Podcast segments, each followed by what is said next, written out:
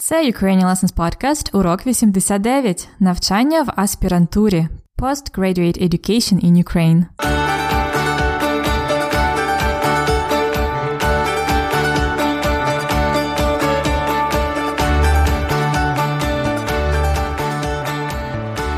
Вітаю! Це Анна і новий урок української. Ви слухаєте епізод 89, сезон 3. До речі, якщо ви хочете послухати чи переслухати попередні епізоди, ви завжди можете це зробити у своїй програмі з подкастами. Або якщо зайдете на сайт ukrainianlessons.com, риска, season і номер сезону. Наприклад, ukrainianlessons.com, риска, season 1 для першого сезону і так далі. Минулого разу на подкасті наша головна героїня Христина розмовляла зі своєю сусідкою Лесею про її навчання в університеті. Леся студентка, вона вчиться на культуролога. Сьогодні Христина зустріне когось нового. Ця людина розповість їй і нам більше про освіту в Україні, а саме про аспірантуру. Ви чули таке слово аспірантура? Сьогодні ви дізнаєтесь, що це таке і хто такі аспіранти. Готові починати? So, in my introduction today, I mentioned that if you want to listen or re-listen to the previous episodes, you can always do it in your podcast app or if you visit our blog at ukrainianlessons.com slash season plus the season number. For example, ukrainianlessons.com slash season 1 for the first season and so on. Today on the podcast, we're having the last episode about osvita, education. And the next time we will have a review episode. Сьогодні Христина зустріне когось нового. Today Kristen will meet someone new. From this person we will find out more about the postgraduate education in Ukraine, which is called aspirantura. То ви готові починати? Are you ready to start?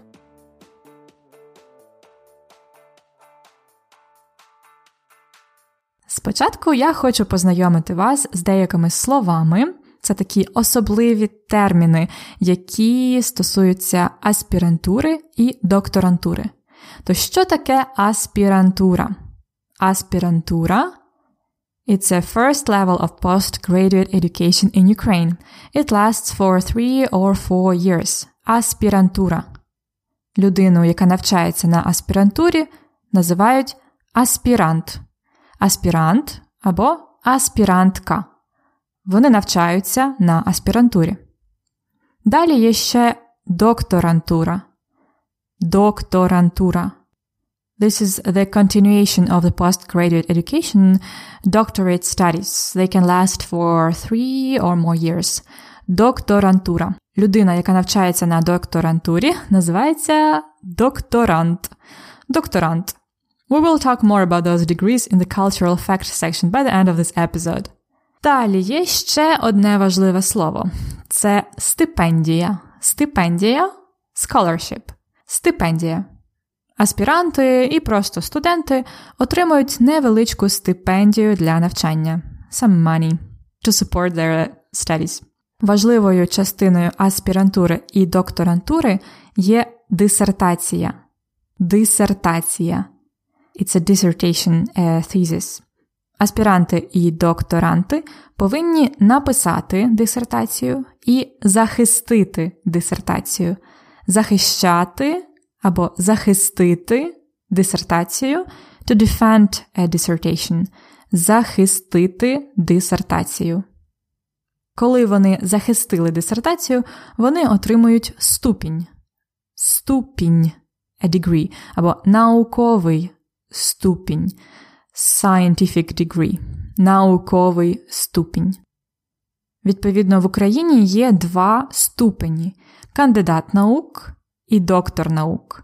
Про це і про різницю між цими ступенями ви почуєте більше у нашій розмові. Тому слухайте діалог Христини з Орестом і дайте відповідь на запитання про Ореста. Хто такий Орест і чим він займається? Who is Orest? Хто такий Орест і чим він займається? And what is his occupation? Де він навчається, де він працює? Хто такий Орест і чим він займається? Слухайте і дізнайтеся. Привіт! Я Орест, хлопець Лесі. А ти Крістін? О, привіт, Оресте! Я тут Христина взагалі. Дуже приємно. Взаємно. Я сподіваюсь, ти не проти, що я буду заходити до Лесі, інколи залишатися на ніч. Та ні, не проти, без проблем. Супер! Леся казала, ти аспірант Так, але паралельно я працюю копірайтером. і встигаєш поєднувати з навчанням? Та так, е, це взагалі нормально, що на аспірантурі люди працюють навіть на повний день, бо так, то стипендія дуже маленька. Ох, розумію. І як тобі? Подобається навчатись на аспірантурі? Ну, в принципі, так. У мене є вільний час, щоб працювати і набиратися досвіду. Мені здається, що це головне. А що ти вивчаєш? Взагалі я лінгвіст, і мене цікавлять топоніми, географічні назви. Коли я подорожував Україною, то захопився гідронімами, назвами річок. Зараз їх і досліджую. У, як цікаво. Дисертацію буду захищати через два роки, тому ще є час. А потім, після захисту, ти будеш мати ступінь доктора? Ні. Після аспірантури це кандидат наук, а доктор наук після докторантури. Тобто в Україні є два ступені? Так, але вони хочуть змінити, що був один доктор філософії, як всюди. Зрозуміло. Дякую. Я дізналась багато цікавого. Та будь ласка, звертайся. То хто такий Орест і чим він займається? Орест це хлопець Лесі. Вони зустрічаються. Чим він займається? Орест навчається на аспірантурі. Він аспірант. Але паралельно він працює копірайтером. Він аспірант і копірайтер. Він встигає поєднувати роботу з навчанням. He manages to combine his work with his studies. Поєднувати роботу з навчанням.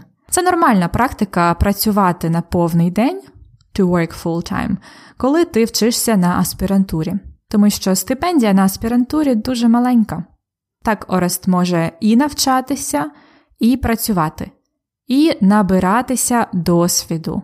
To gain experience набиратися досвіду. Ви пам'ятаєте, що вивчає Орест? Він вивчає топоніми. Топоніми це географічні назви geographical names, а саме він вивчає гідроніми, тобто назви річок, the names of rivers. Коли Орест закінчить аспірантуру і захистить дисертацію, він отримає ступінь кандидат наук. А щоб здобути ступінь доктор наук, треба ще вчитися на докторантурі. Трошки заплутано, я знаю. Ми поговоримо більше про це у культурному факті. А зараз хочу вам в останній раз розповісти про дієслова з префіксами в українській мові. Сьогодні останній урок, коли ми говоримо про префікси. Сподіваюся, ви ще не втомилися. I hope you haven't got tired of prefixes. This is the last lesson we are talking about them on the podcast. And the last prefixes are za and na. Let's listen to the first part of the conversation again. Which verbs starting with za can you catch? Привіт! Я Орест, хлопець Лесі. А ти Крістін? О, привіт, Оресте!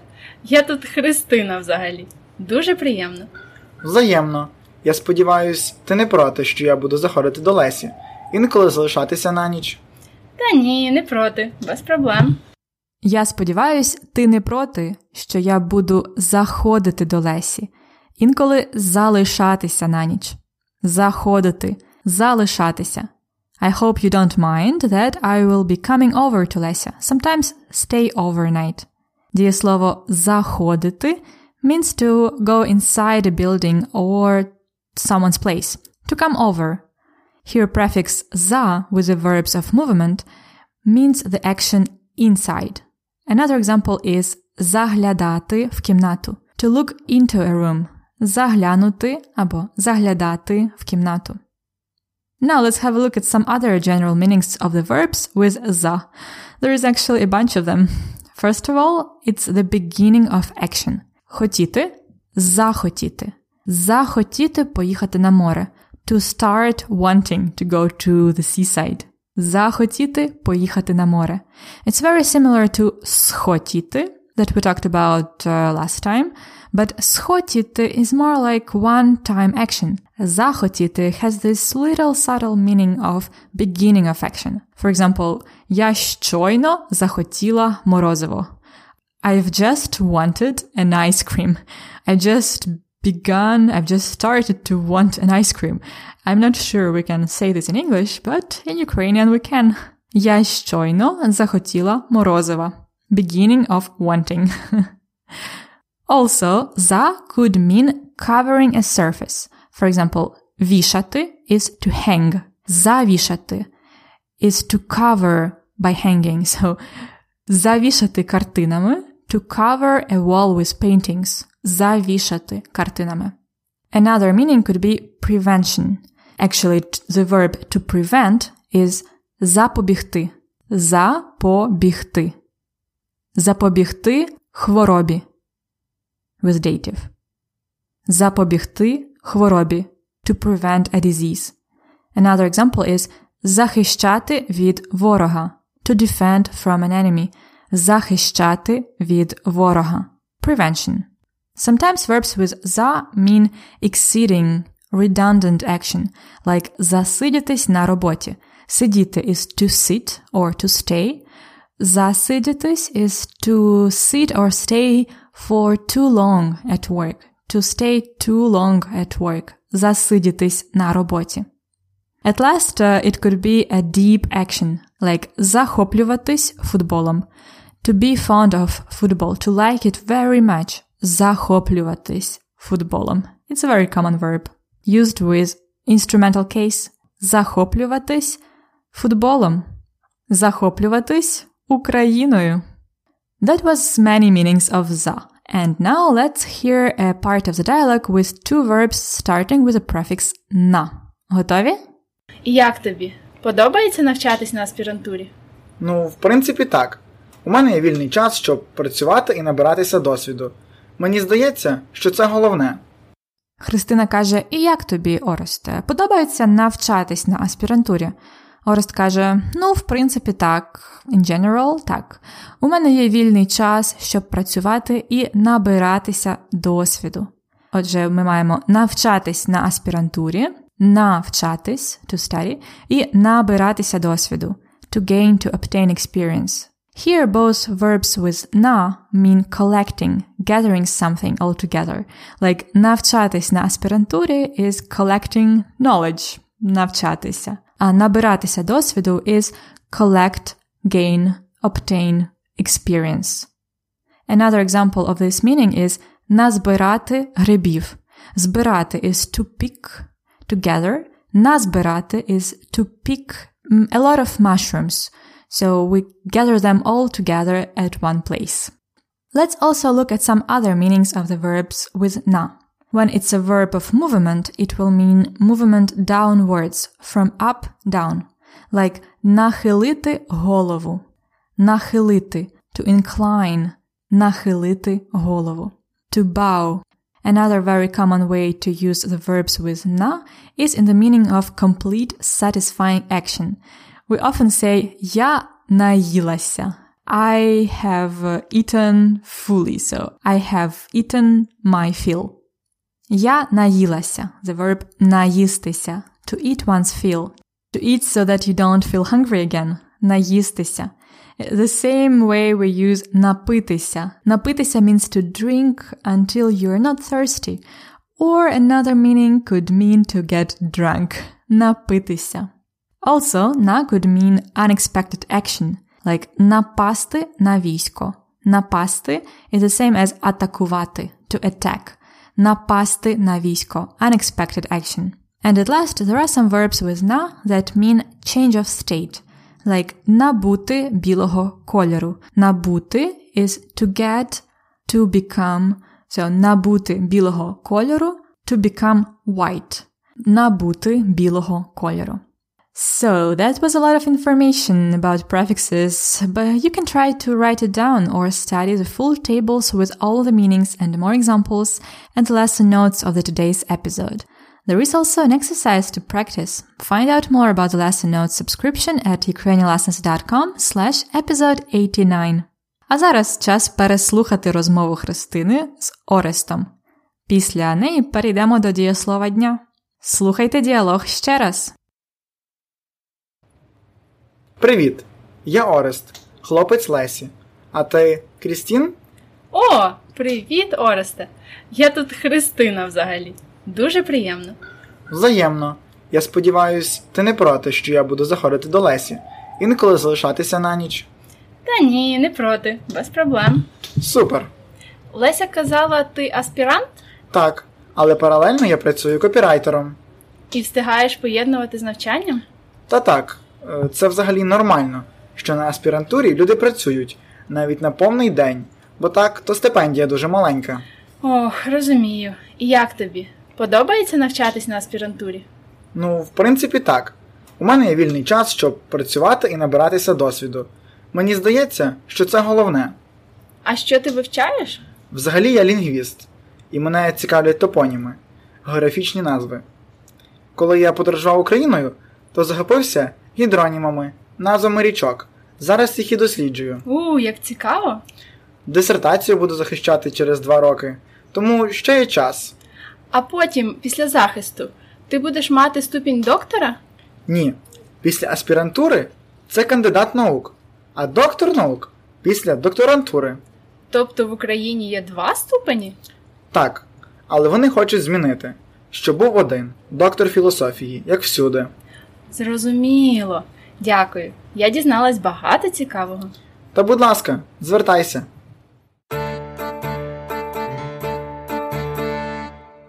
Дієслово дня. Як я і обіцяла минулого разу, сьогодні ми продовжуємо вивчати дієслова, що означають to learn, to study. Минулого разу ми говорили про вчити і вчитися. А сьогодні будемо говорити про навчати і навчатися. Воно трошки простіше. It's a bit easier. Навчати means to teach, to instruct, and only that. So навчати is the same as вчити in the meaning of teaching. Perfective form навчити. Я навчаю вас української мови. Я навчаю, ти навчаєш, він навчає. Яка це дієвідміна? Це перша дієвідміна є. Ми навчаємо. Ви навчаєте, і вони навчають. Це просто, правда? А навчатися має два значення. It means to study, like навчатися на аспірантурі, навчатися в школі, в університеті, навчатися в школі 11 років. So usually навчатися in this meaning has no noun after, but it has a location, so a preposition plus a location or time for how long we've been doing it. But also навчатися means to learn, and here it means uh, to learn to do something again, like вчитися. Я навчаюся грати на гітарі. Так само я вчуся грати на гітарі. So навчатися actually in both meanings is used exactly like вчитися. Let's conjugate it in the past. Навчатися. Я навчалася в Києво-Могилянській академії. Це мій університет. Мирослав, хлопець, що робив? Навчався, навчався в Києво-Могилянській академії. Іванка, дівчина, навчалася, навчалася в Києво-Могилянській академії. І ми, я, Іванка і Мирослав, навчалися в Києво-Могилянській академії. So we only change uh, в ла ли, but we always keep ся at the end. Я навчалася, Мирослав навчався, Іванка навчалася, ми навчалися. А де ви навчалися?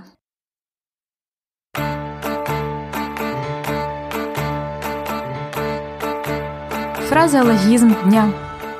Сьогоднішній фразеологізм дня не був у розмові, але він стосується людини, яка знає багато про щось, має багато досвіду. Досвід experience. Наприклад, Орест дуже багато знає про гідроніми, назви річок. Можна сказати, що Орест зуби з'їв на гідронімах. Він почав вивчати їх ще на магістратурі.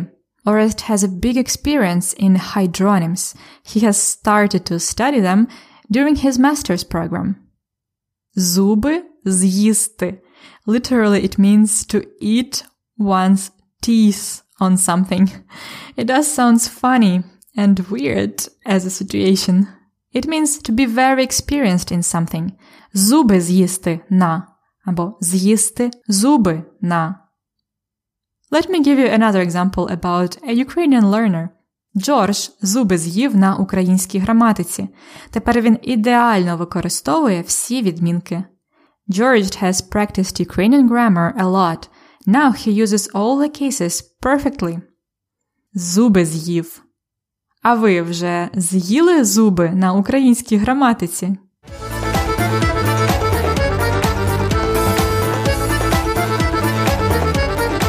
Культурний факт на подкасті. Postgraduate degrees can be a bit confusing in Ukraine and other post-Soviet countries, as they don't correspond to the PhD degree known by everyone. In the USSR, there were two postgraduate degrees. First, you study for three years to obtain kandidat nauk, and then for three more years to obtain doktor nauk. It was the same for many years after Ukraine got it, its independence as well and that made it very difficult for people who wanted to study abroad, as the PhDs from the foreign universities were not officially recognized in Ukraine. Now, like Orest said in the dialogue, there will be a PhD degree in Ukraine as well. In Ukrainian, it will be called Doctor Philosophy, and it will substitute the current degree of Kandidat Nauk. By the updated law of education, this transfer will happen by the end of 2019. By the way, I am recording this episode in 2018, so it's in one year from now. This will make it easier to make Ukrainian postgraduate education international. Foreigners will be able to obtain PhDs in Ukraine, and Ukrainians who get PhDs abroad now can officially use their degree in Ukraine. After a PhD, in Ukraine there will be also another degree that we talked about today, Doctor Nauk. It is like the second postgraduate degree. Ну все, тепер ви знаєте все про наукові ступені в Україні.